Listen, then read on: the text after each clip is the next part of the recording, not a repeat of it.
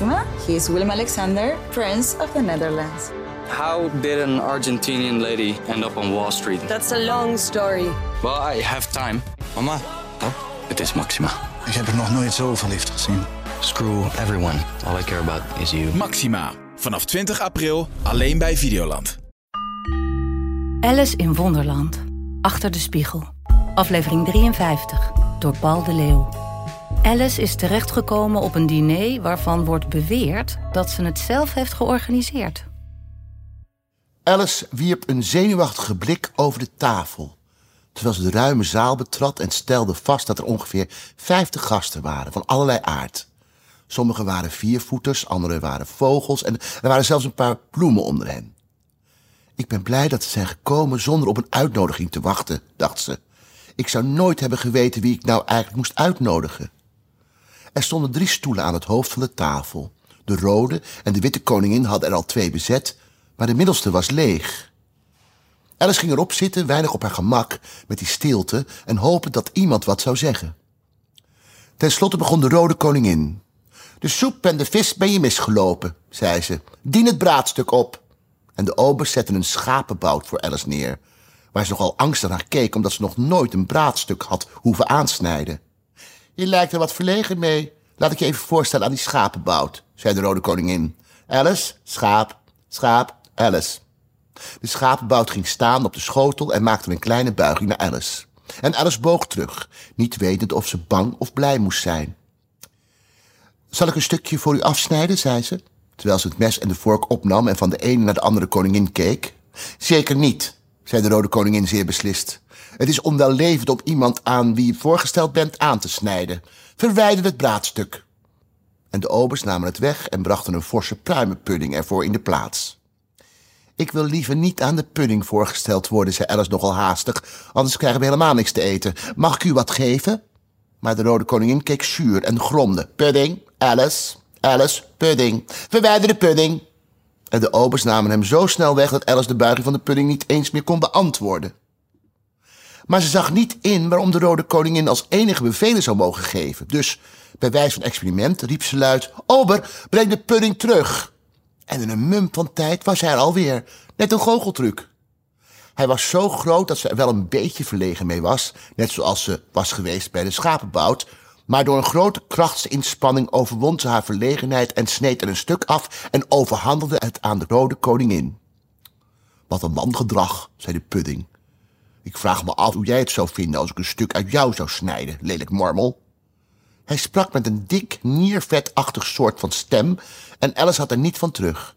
Het enige wat ze kon was er naar kijken, met open mond. Maak een opmerking, zei de rode koningin. Het is bespottelijk om alle conversatie aan de pudding over te laten. Weet u, ik heb vandaag zoveel gedichten horen opzeggen, begon Alice een beetje beducht, toen ze merkte dat er een diepe stilte viel, zodra ze haar mond opendeed en alle ogen op haar gevestigd waren. En wat heel eigenaardig was, elk gedicht ging over vissen op een of andere manier. Weet u waarom ze hier allemaal zo dol zijn op vissen? Haar woorden waren gericht tot de rode koningin, wie antwoord als een tang op een sloeg. Wat vissen betreft, zei ze heel langzaam en plechtig met haar mond vlak bij Alice's oor, Hare witte majesteit kent een enig raadsel, helemaal op rijm, helemaal over vissen. Moet ze het opzeggen? Wat aardig dat hare rode majesteit daaraan denkt, prevelde de witte koningin in Alice's andere oor, met een stem als het koeren van een duif. Wat zou dat kostelijk zijn, mag ik? Heel graag, zei Alice zeer beleefd. De witte koningin lachte, verrukt en streelde Alice's wang. Toen begon ze. Eerst moet de vis uit het water gehaald. Dat is simpel, een kleuter haalt hem eruit. Vervolgens moet de vis betaald. Dat is simpel, maar kost wel een duit. Nou, bereid maar dat maal, dat is simpel, een druk op een knop. Leg maar neer op een schaal, dat is simpel, daar ligt hij al op. Breng maar hier met karaf, dat is simpel, de schaal is reeds daar. Neem het deksel eraf, ai, dat valt me, vrees ik, te zwaar. Want het zit als gelijmd, dat deksel die schaal, ze omsluiten het maal. Het is simpel en ongerijmd, ontraadsel de vis en ontdeksel de schaal. Denk er maar even over na en raad dan, zei de rode koningin. Intussen drinken we op je gezondheid. Op de gezondheid van koningin Alice. Riep ze luidkeels en alle gasten begonnen meteen te drinken. Het was hoogst eigenaardig hoe ze dat deden. Sommigen van hen zetten hun glazen op hun hoofd als kazendompers en dronken alles wat er langs hun gezicht omlaag droop.